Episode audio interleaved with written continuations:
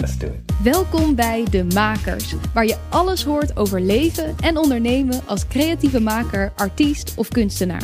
Want hoe zorg je dat mensen je werk kennen? Hoe ontwikkel je een eigen stijl?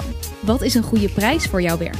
Mijn naam is Diede Vonk en samen met een interessante gast geef ik jou de antwoorden, zodat jij straks met alle vertrouwen en de juiste tools aan de slag kan met je creatieve makerschap. Vandaag hoor je een speciale aflevering waarin ik maar liefst vier verschillende gasten spreek. Een tijdje terug mocht ik bij Club No Man's Land een avond hosten over het opbouwen van een multidisciplinair netwerk.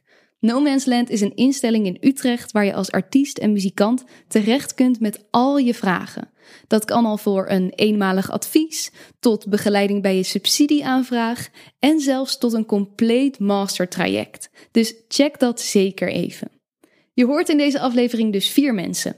Muzikant Cato van Dijk van de band My Baby, beeldend kunstenaar Paul Segers, muzikant en artistiek leider van gezelschap De Dansers Guy Corneille en danser Liam McCall.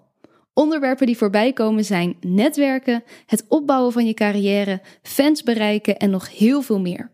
Ik sprak met iedereen ongeveer een half uurtje, dus ik heb de allerbeste tips eruit gehaald en die voor jou gebundeld in deze aflevering. Eerst spreek ik met Cato van Dijk.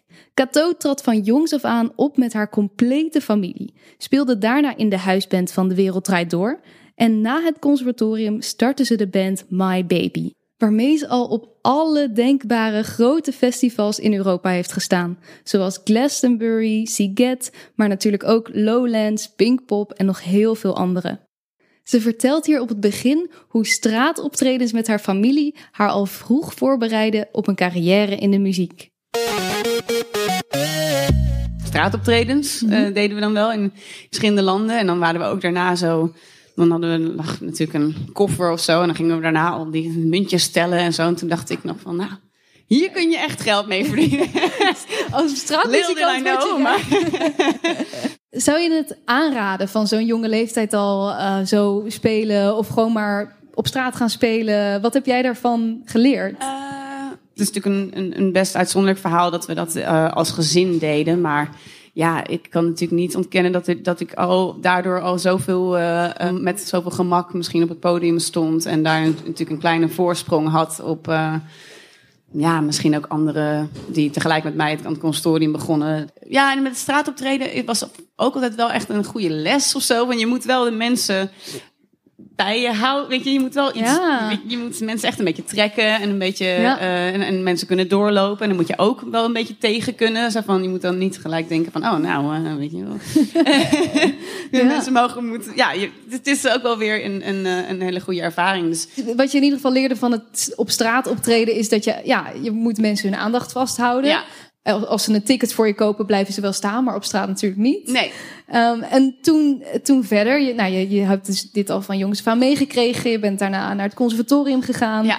Ehm, maar dan moet je het natuurlijk ook wel weer zelf opbouwen. Ja, eigenlijk dus vanaf het moment dat ik dan klaar was met het conservatorium, dan voel je ook wel. En het is altijd zo'n, zo'n, eh, zo'n, hoe zeg je het, een cliché dat je dan na school in zo'n zwart gat valt en bla bla bla. En dan denk je als je op school zit nog van, nou, mij gaat het niet overkomen. Welk zwarte gat? En dan is die school klaar. En dan voor het eerst in je leven besef je echt dat er, nou ja, dat er niemand meer iets van je verlangt. Dat er niemand eh, vraagt, eh, wat, wat is je volgende stap? Of wat, eh, je moet echt dan op dat moment gewoon op je eigen benen staan. En eigenlijk vanuit dat zwarte gat is My Baby ontstaan. Dus het is zich heel goed. eh, omdat ik toen eigenlijk echt voor het eerst helemaal voor mezelf ging nadenken van wat wil ik? En wat, wat, wat kan ik iets maken met, nou ja, in dat geval toen al met, eh, met de drummer en de gitarist samen. Van kunnen we iets bedenken?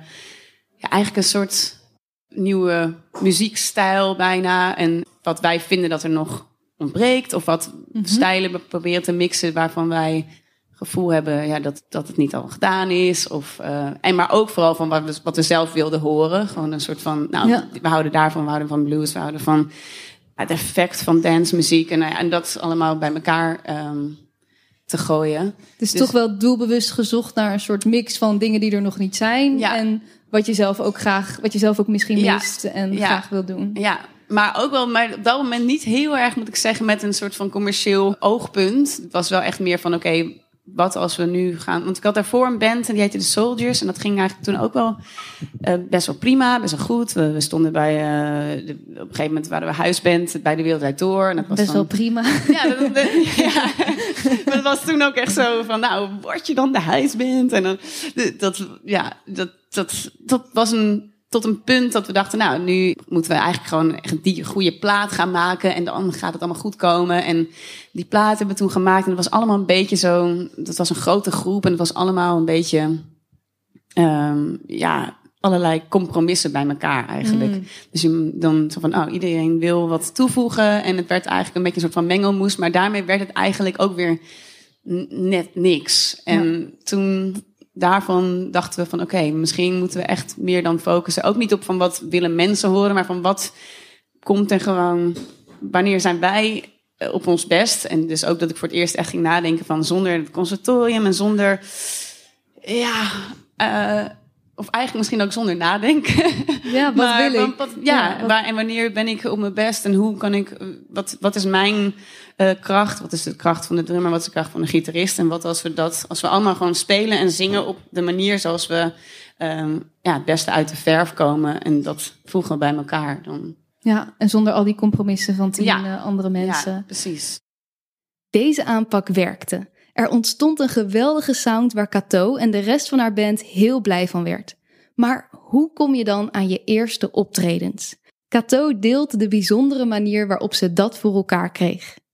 In het begin schreef ik dan naar verschillende plekken en dan deed ik gewoon alsof ik de manager was van de band, My Baby.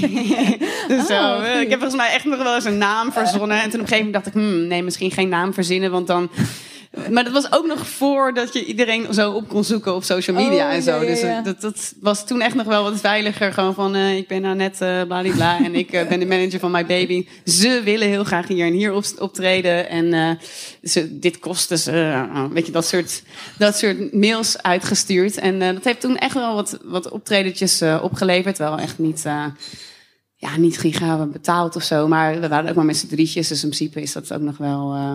Ja, voor die eerste stappen is ja. dat denk ik wel echt een, een goede zet. Ja. Gewoon maar wat mails uitsturen naar kleine festivals, podia. Ja, echt ja. heel erg... Uh, ja, we hebben echt de eerste paar jaar ook gewoon zonder manager gedaan. Of ben ik eigenlijk, heb ik gewoon het management gedaan en heb ik gewoon alle e-mails gedaan. En, uh, en ook nog zonder boeker. Ja, we hebben ook in het begin gewoon heel veel nee, nee gehoord. Er zijn geen nummers, jullie jammen te veel, jullie zijn te, ja, wel leuk, maar wel goed of zo, maar het is te, te raar of te alternatief of te. Ja. te. Dus, ga je dan uh, aanpassen of ga je dan. Nee, dat ben ik het gewoon zelf uh, gaan doen eigenlijk. Omdat ik dan dacht van ja, anders ga je inderdaad weer een soort van je comprim comprimeren ja. naar een eventuele wens van een boeker. En um, ja, eigenlijk toen nog wel overal een beetje doorheen gebluft. En toen zijn we wel uh, toegelaten voor de popronde. Oh, dat is altijd een dus fijne dat, stap. Ik, als ik ja. dan denk aan inderdaad een soort van eerste echte toertje, dan was dat... Uh, ja. En daar leer je dan ook gewoon wel echt heel hard van... oké, okay, alles qua je eigen spullen die je moet meenemen. En uh, een soort van uh, hoekje waar je in staat in een uh, café. Waar mensen ook weer, net als met die straatoptredens, misschien niet altijd erop zitten te wachten. Van, ja. En inderdaad gewoon nog aan het in het restaurant aan het eten zijn en dan denken, oh, er gaat uh, hier een band spelen. Mm. Je zei net, ik, nou, op het begin deed ik het management zelf, het boeken zelf. Wat waren eerste dingen die je op een gegeven moment uit handen ging geven? Want we hebben het nu natuurlijk vanavond ook over het multidisciplinaire. Welke dingen ben je uiteindelijk, waar ben je andere makers bij gaan zoeken? Um, nou, ook al snel inderdaad wel um, hebben we met een visual artist samengewerkt. En hoe heb je die gevonden? Nou, het was uh, door het, kwam wel een beetje door dat een festival, Magneetfestival in Amsterdam, uh, die, die had een, een dome. En die vroeg of wij daar wilden spelen. En, um, en, of en die wilden dan ons koppelen aan een VJ. Omdat het een, dus een hele mooie dome was waar je helemaal kon projecteren. Maar toen wist ik ook wel dat ik nog ja, een VJ in mijn kennissenkring. Dus uh, het, zij komt uit hetzelfde dorp als waar ik vandaan kom. ja, zo kan het ook gaan. Ja, ja. ja dus toen dachten wij zo, hé, hey, nou ja, misschien uh, vindt zij dat wel leuk om te doen. En uh, dat was, ja, daar is het. en dat vond ze. En dus dat was eigenlijk een hele mooie begin van een samenwerking. En zij heeft nou ja, eigenlijk nog heel veel heel veel shows met ons gedaan. En uh, dat is ook een beetje Tof. waar onze soort van trance-invloeden zijn ontstaan. Eigenlijk op die specifieke show.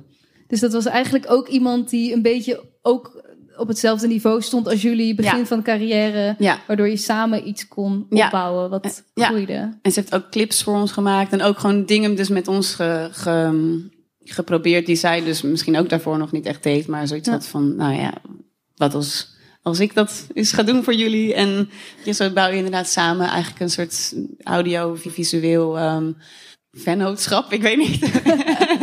Oh, nice. Maar dat is dus ook. Is dat dan ook in dit geval iemand die jullie niet direct veel konden betalen, maar dat het gewoon echt Ja. is gegroeid samen? Ja. Daar zullen denk ik ook wel veel mensen hier tegenaan lopen als je net begint. Ja, Ja. Dan, moet je alles een beetje bij elkaar schrapen. En, Zeker. Ja, het kost gewoon allemaal klauwen met geld maar je wilt wel Ja. gelijk heel vet doen Ja. en eh, dat het er goed uitziet. Ja. Ehm, dus, dus dan is zo iemand natuurlijk heel Ja, handig. maar goed, ik had natuurlijk in mijn kennissenkring, maar wie weet, weet je, is er altijd natuurlijk via via anders ook wel iemand te vinden. En nu natuurlijk al helemaal eh, dat je misschien oproepjes kunt plaatsen o- op eh, Instagram en zo.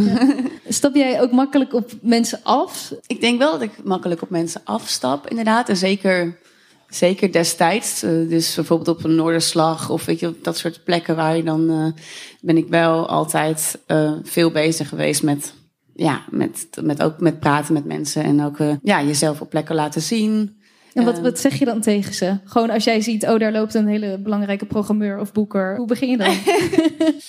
Ja, ik ben wel best wel af en toe brutaal op mensen afgestapt. Ook wel eens op radio-dj's bijvoorbeeld. Niet, heeft niet heel veel geholpen trouwens, want we worden nog steeds niet echt op de radio gedraaid. Maar mensen weten, er, kennen ons wel. Maar zeker in die, die tijd, ja, we hebben dus ook wel echt veel e-mails gestuurd naar destijds ook om inderdaad een boeker te vinden, naar veel boekers. Ook wel eens afspraken ehm, gehad. En eh, ja, ook gewoon echt letterlijk een beetje opzoeken van wie is dan wie. En dan kijken of je iemands gezicht herkent. En dan toch even zo van, Ja. hey, heb je ons wel wel eens gezien? En ik een keer, eens een keer naar een live show te komen. En eh, ja, in ons geval was het ook wel vaak een beetje dat. Van kom een keer naar een live show, want dan snap je misschien een beetje wat we doen en wat we, ja, waar we goed in zijn. Dat is het fijnste natuurlijk, dat je iemand gelijk kan Ja. uitnodigen Ja. en dat ze het zien. Ja, Ja, cool. Als je die gigs dan inderdaad nog niet hebt, dan Nee. is het weer zo eh, kip of het ei verhaal.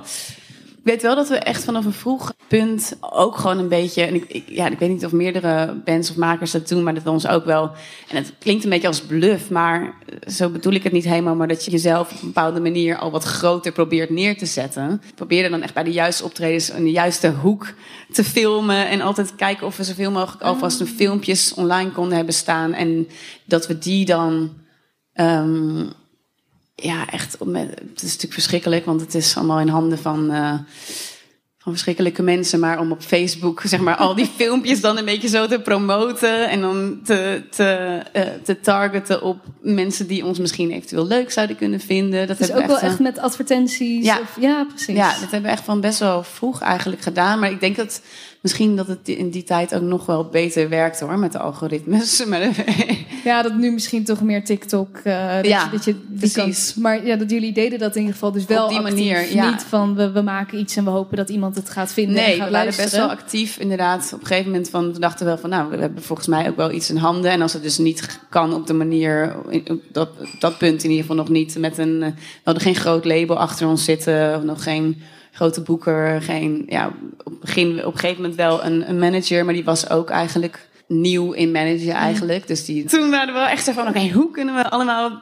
dan op een andere manier dan inderdaad via de radio of via... ehm, ehm, ja, de grote labels onze muziek onder de, Ja, onder de mensen brengen. En eigenlijk ook fans, eh, ja, mensen naar, naar je shows krijgen. En mensen, ja, geïnteresseerd krijgen.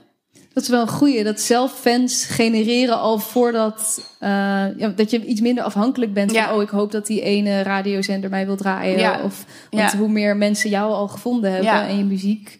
Op een gegeven moment ja. konden dat soort ja, grotere partijen toch op een gegeven moment niet echt meer omheen. Zo van, oh, nou, eh, ze- die verkopen wel. eh we begonnen zo van, nou, die verkopen een keer eh, de, de Melkweg uit. Oh, nou, nou, ze verkopen de Paradiso wel uit. En zo, oh, en verkopen, weet je, dus ik kwam echt zo. En toen, dus een beetje via een andere weg was het in één keer van, oh, misschien eh, kunnen we er nu niet echt meer omheen.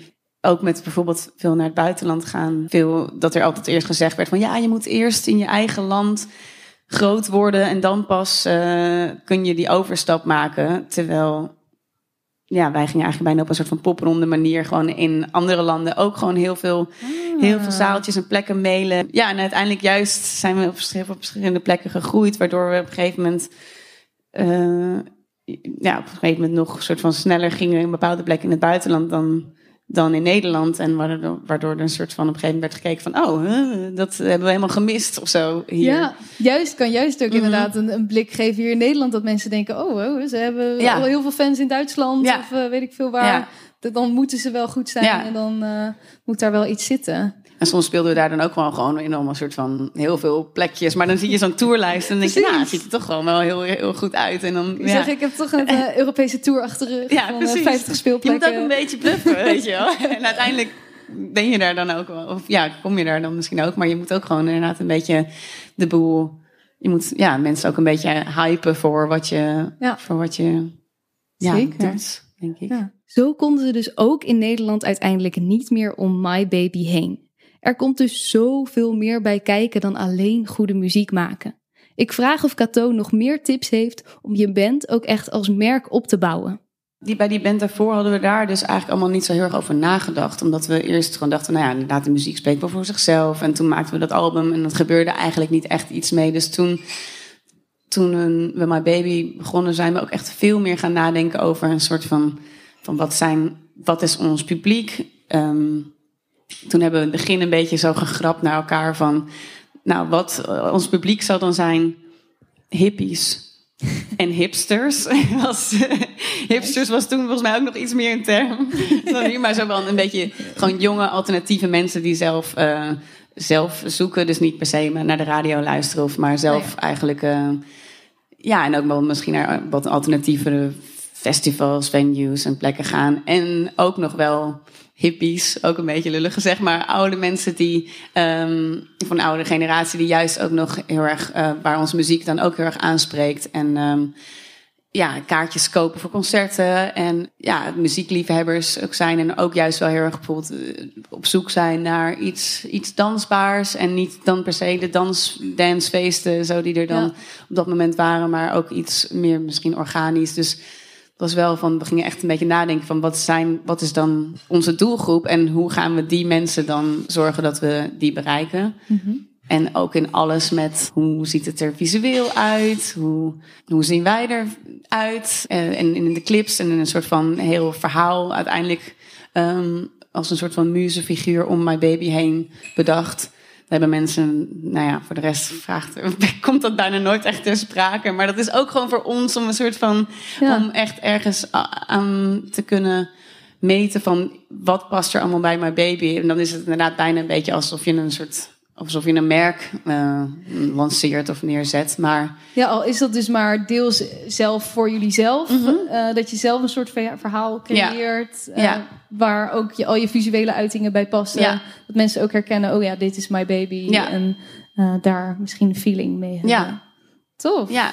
Op het einde vroeg iemand uit de zaal hoe je dan zorgt dat je die eerste fanscharen opbouwt.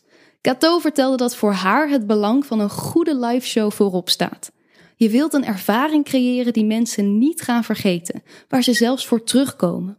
Een goede liveshow is voor haar een combinatie van goed repeteren, echt goed op elkaar ingespeeld zijn, weten wat je wilt zeggen tussendoor en er echt een beleving van maken die verder gaat dan alleen de muziek zelf. Zij zorgt bijvoorbeeld dat geen één optreden hetzelfde is, door ook ruimte te laten voor improvisatie. En ze passen hun show telkens aan aan de plek waar ze spelen. Zo is elk concert een totaal nieuwe ervaring. Daarna sprak ik Paul Segers. Hij is interdisciplinair beeldend kunstenaar en gebruikt allerlei verschillende soorten disciplines: sculpturen, tekeningen, video's, tekst en meer.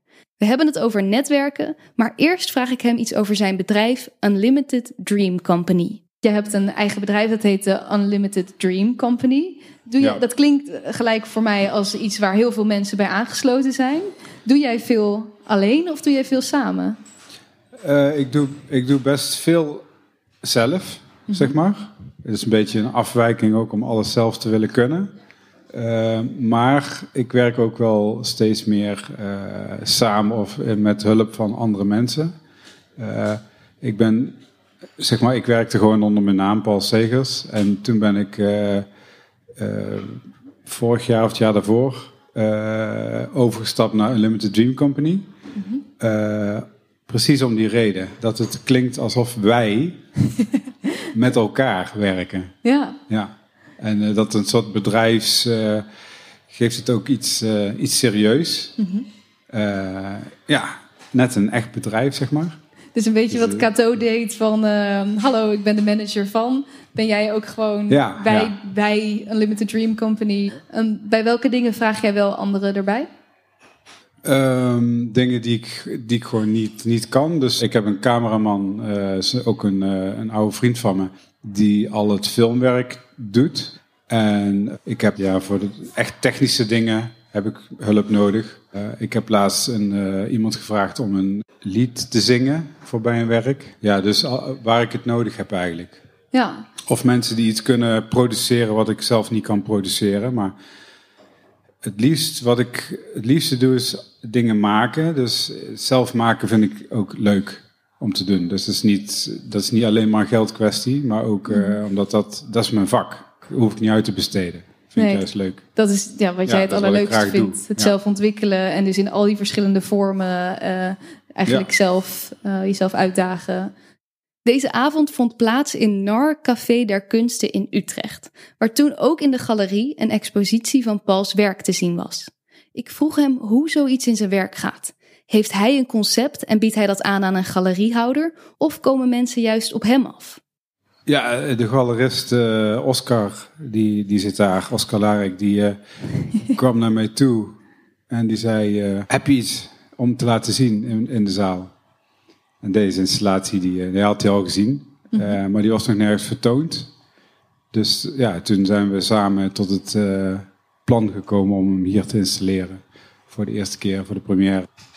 Maar dat gaat gewoon in, in, in samenspraak. Ja, Deze installatie had ik al gemaakt, eh, net voor de corona eh, begon. Toen was die klaar en eh, toen kwam corona, dus toen heb ik hem in de opslag gezet. oh, zonde. En nu eindelijk is hij Nu is hij Naar buiten voor, de, voor de eerste keer. Ehm, nee, je zei net ook al, nou, Oscar die, die, die kent mij, die weet dan, die heeft dit gezien, daarom mag ik hier dan staan. Maar dat begint natuurlijk wel met dat je eigenlijk dan elkaar al kent. Ben jij goed in netwerken? Doe je dat bewust? Hoe zet je dat in? Ik, ik ben geen ehm, strategisch netwerker. Dat als ik iemand zie die heel belangrijk blijkt te zijn, dat ik die dan met een soort eh, de elevator pitch, hè, heet Ja, dat geloof ja. ik. Dat ik die dan van achter bespring en zeg: eh Hey, ik ben Paul Segers en ik ben eh, ook kunstenaar en ik maak ook hele leuke dingen. Dat doe je niet? Dat doe ik niet, nee. Maar ik praat wel makkelijk.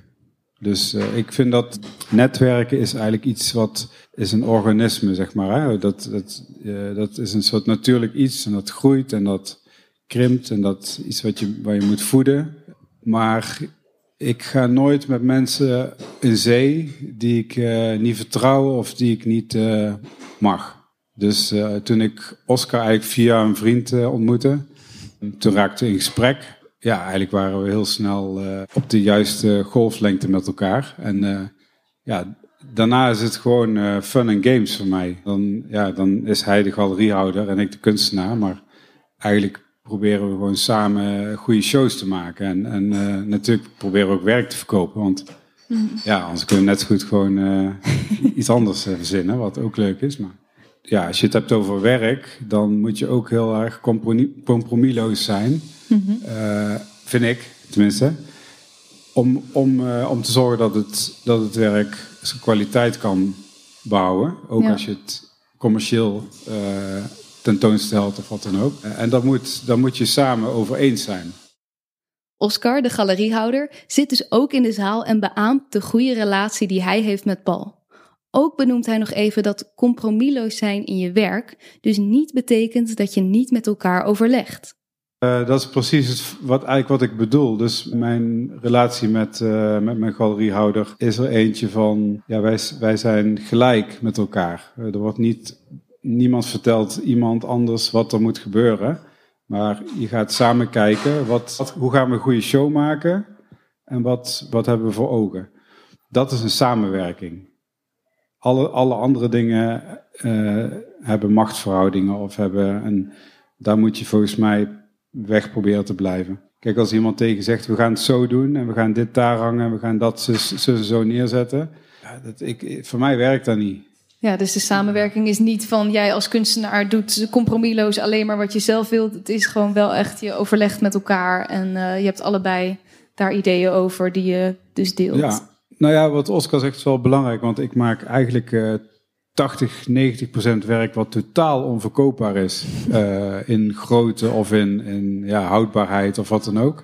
En die paar dingen die ik dan kan verkopen, die probeert Oscar dan uh, ja. ook nog te verkopen. Maar stel nou dat iemand een uh, mega grote, stel iemand zegt, nou je mag bij ons bij, uh, in het Stedelijk Museum hangen, maar het is een persoon die je eigenlijk niet vertrouwt, niet mag, maar wel een groot podium zou kunnen bieden. Wat, wat zou je dan doen?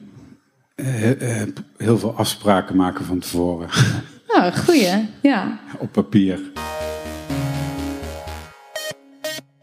Goede afspraken maken.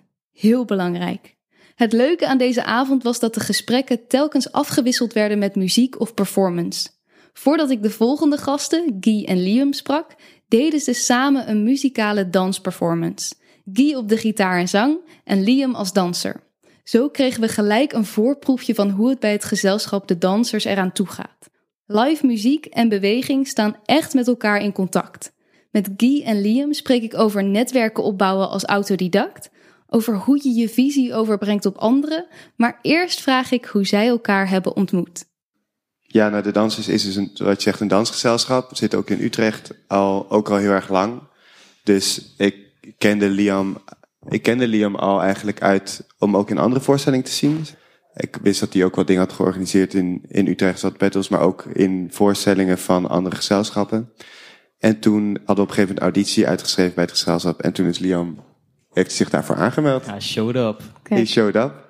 Dat is eigenlijk het korte verhaal. Fijn. Oké, jij bent gewoon auditie komen doen. Nou, zo uh, simpel tussen aanhalingstekens kan het zijn. Maar jij had hem ook wel op het oog al. Omdat je dus zelf ook al een hoop initieerde. In verschillende gezelschappen stond. Hoe bouw je nou zo'n carrière op als je autodidact bent? Want veel mensen komen van een, misschien een muziekopleiding. Of een, een dansacademie, conservatorium. Dan heb je al een heel netwerk eigenlijk om je heen. Waar je uit kan kiezen. Hoe doe je dat als je helemaal zelf begint?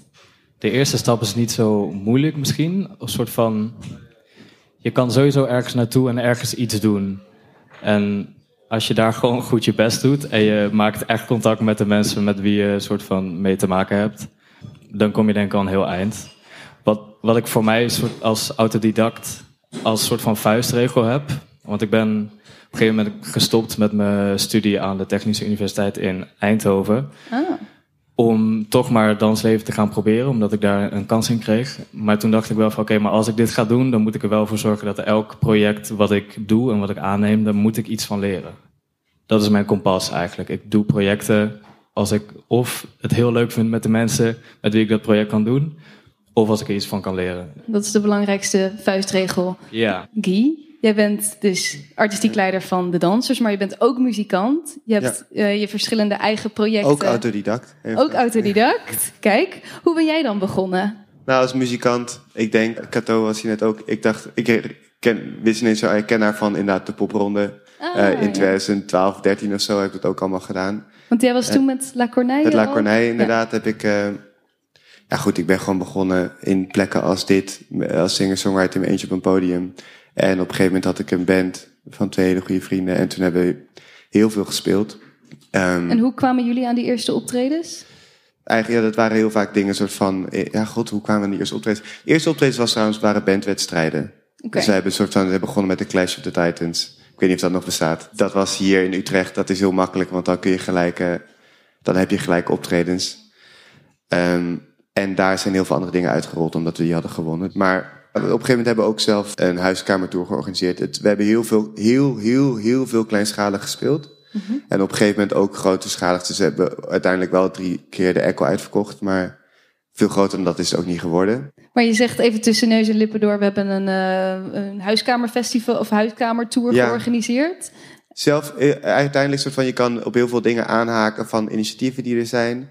Ik heb het idee dat toen ik begon, dat toen heel veel overal soort van, ah we kunnen overal singer-songwriters neerzetten. Dat, dat toen mensen zich realiseerden dat er overal singer-songwriters werden neergezet. Was niet altijd leuk, maar was wel een soort van een kans om heel veel uren te maken.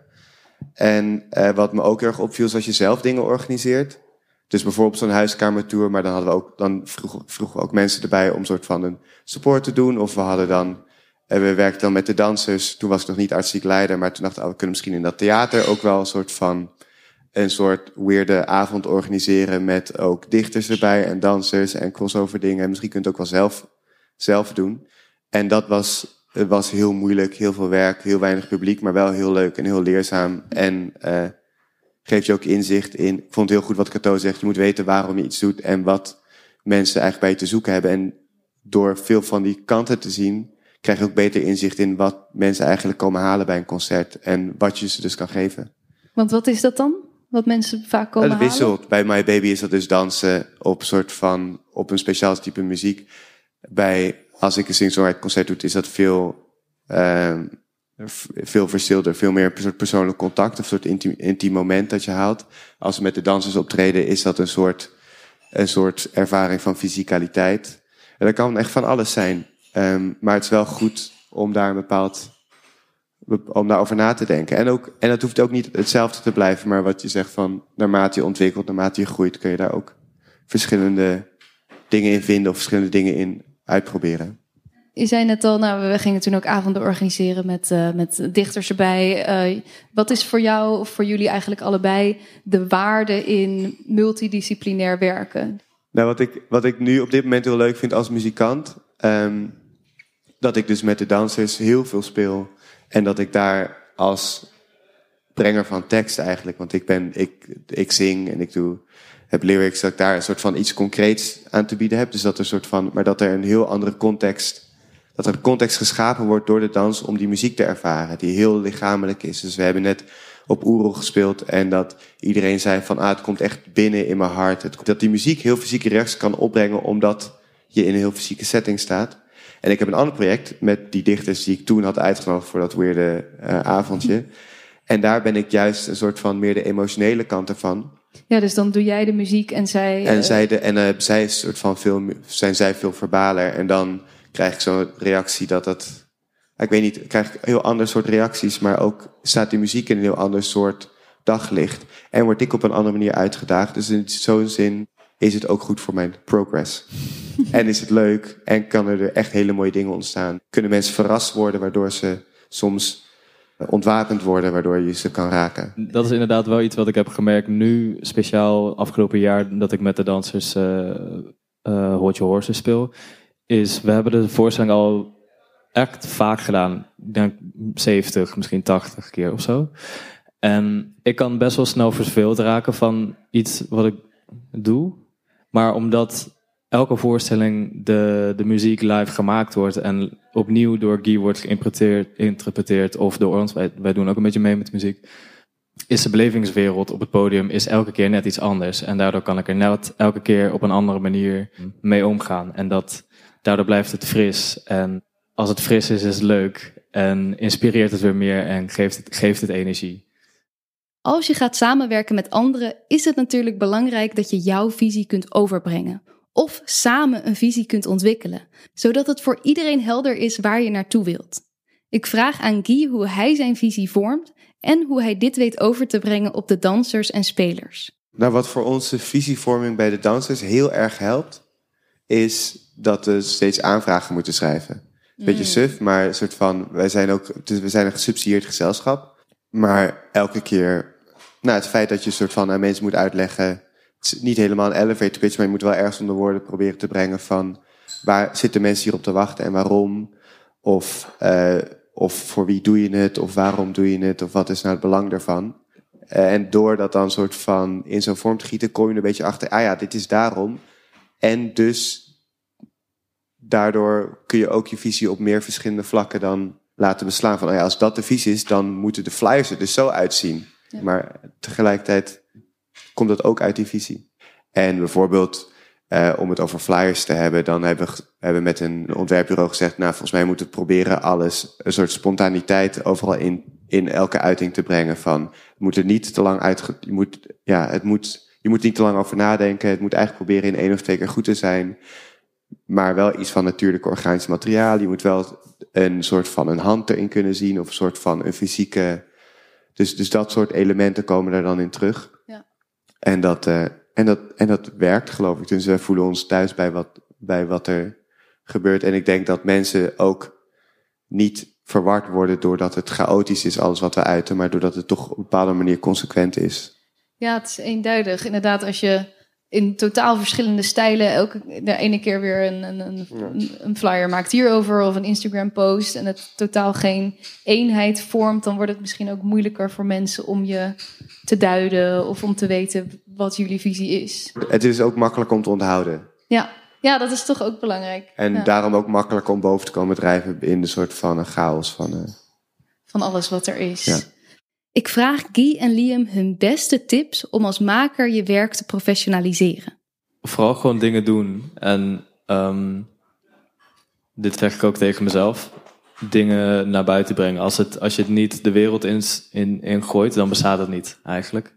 Of dan besta je niet. Dat. Um, wat ik een hele fijne tip vind, eigenlijk wat Liam zei over progress. En ik, dus ik heb best wel lang ook soort van in zowel de pop nog steeds zo hoor, in een soort popcircuit en in het theatercircuit of danscircuit dan geopereerd. En ik merk dat daar in dans en theater veel meer aandacht is voor ontwikkeling van mensen en voor een, een pad van oké, ik ben nu hier, ik wil dan daar naartoe ontwikkelen, ik wil dan daar naartoe en daar naartoe. En, en wat leer ik van het project? Of wat leer ik door iets te maken? En dat daar in popmuziek wat minder vaak over wordt.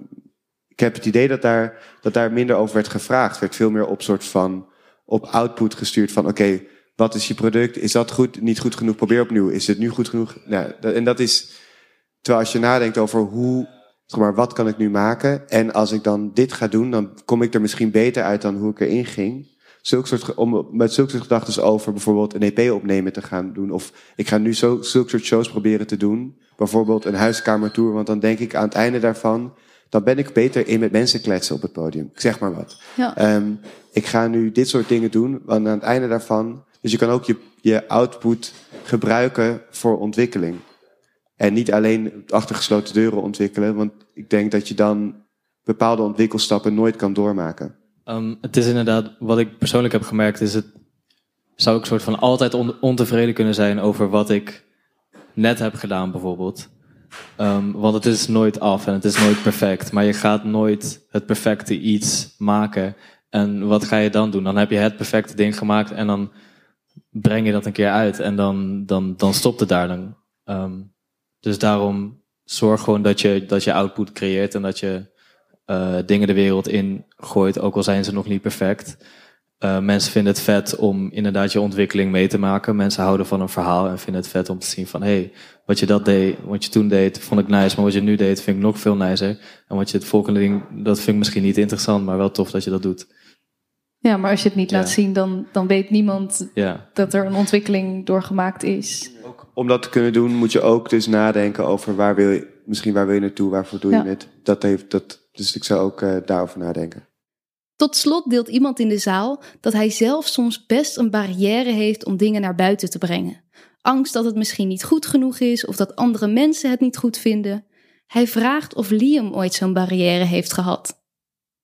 Ja, en ik heb hem nog steeds.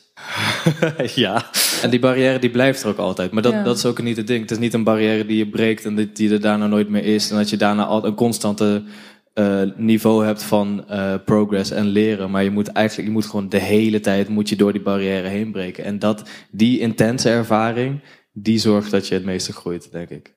Het is gewoon, uh, gewoon next level, gewoon nieuw level. Gewoon steeds eindbaas, eindbaas, eindbaas. En zo eindigen we deze aflevering. Bedankt voor het luisteren en dank aan Cato, Paul, Guy en Liam. Er zaten ontzettend veel takeaways in deze gesprekken. Ik zet er nog een paar voor je op een rijtje. 1. Cato gaf een hoop mooie tips over hoe je zelf fans kunt genereren en je band als merk op kunt bouwen. Ze werkte echt buiten de gebaande paden om en nam het initiatief om veel plekken te mailen of ze er konden spelen. Ze trok zelfs naar het buitenland en zorgde dat ze online al een following opbouwde door mooie filmpjes op te nemen. 2.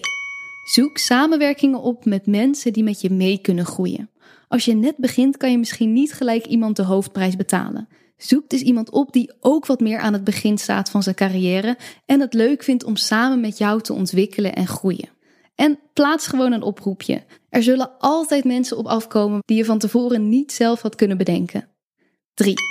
Netwerken is een levend organisme. Het groeit en er zijn altijd twee mensen bij betrokken. Zorg dat je met de ander op één lijn zit en dat het echt een samenwerking wordt.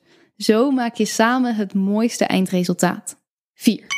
Als je je visie helder weet en waarom jij maakt wat je maakt, wordt een hoop om je werk heen ook opeens duidelijk. Bijvoorbeeld hoe je flyers eruit moeten komen te zien, hoe je je presenteert op social media. Het is belangrijk dat je hier duidelijke keuzes in maakt, zodat mensen jou en je werk herkennen. 5. Zorg dat je je werk spannend houdt door altijd in het hier en nu te blijven zoeken. Zowel Cato als Liam en Guy vertelden dat ze altijd in hun shows zochten naar improvisatiemomenten en dingen in het nu te laten gebeuren. Zo maakt je publiek echt iets unieks mee en zullen ze sneller terugkomen. Dat was hem. Tot de volgende aflevering. Vond je dit een interessante of leuke aflevering? Heb je er iets aan gehad? Volg of abonneer je dan op de makers in de podcast-apps. Een recensie achterlaten is altijd fijn en om niks te missen, abonneer je je op het Instagram-kanaal @de_makerspodcast. Heb jij nou een prangende makersvraag? Of wil je zelf een podcast starten en kan je daar wel wat hulp bij gebruiken? Stuur dan een mailtje naar info@demakerspodcast.com.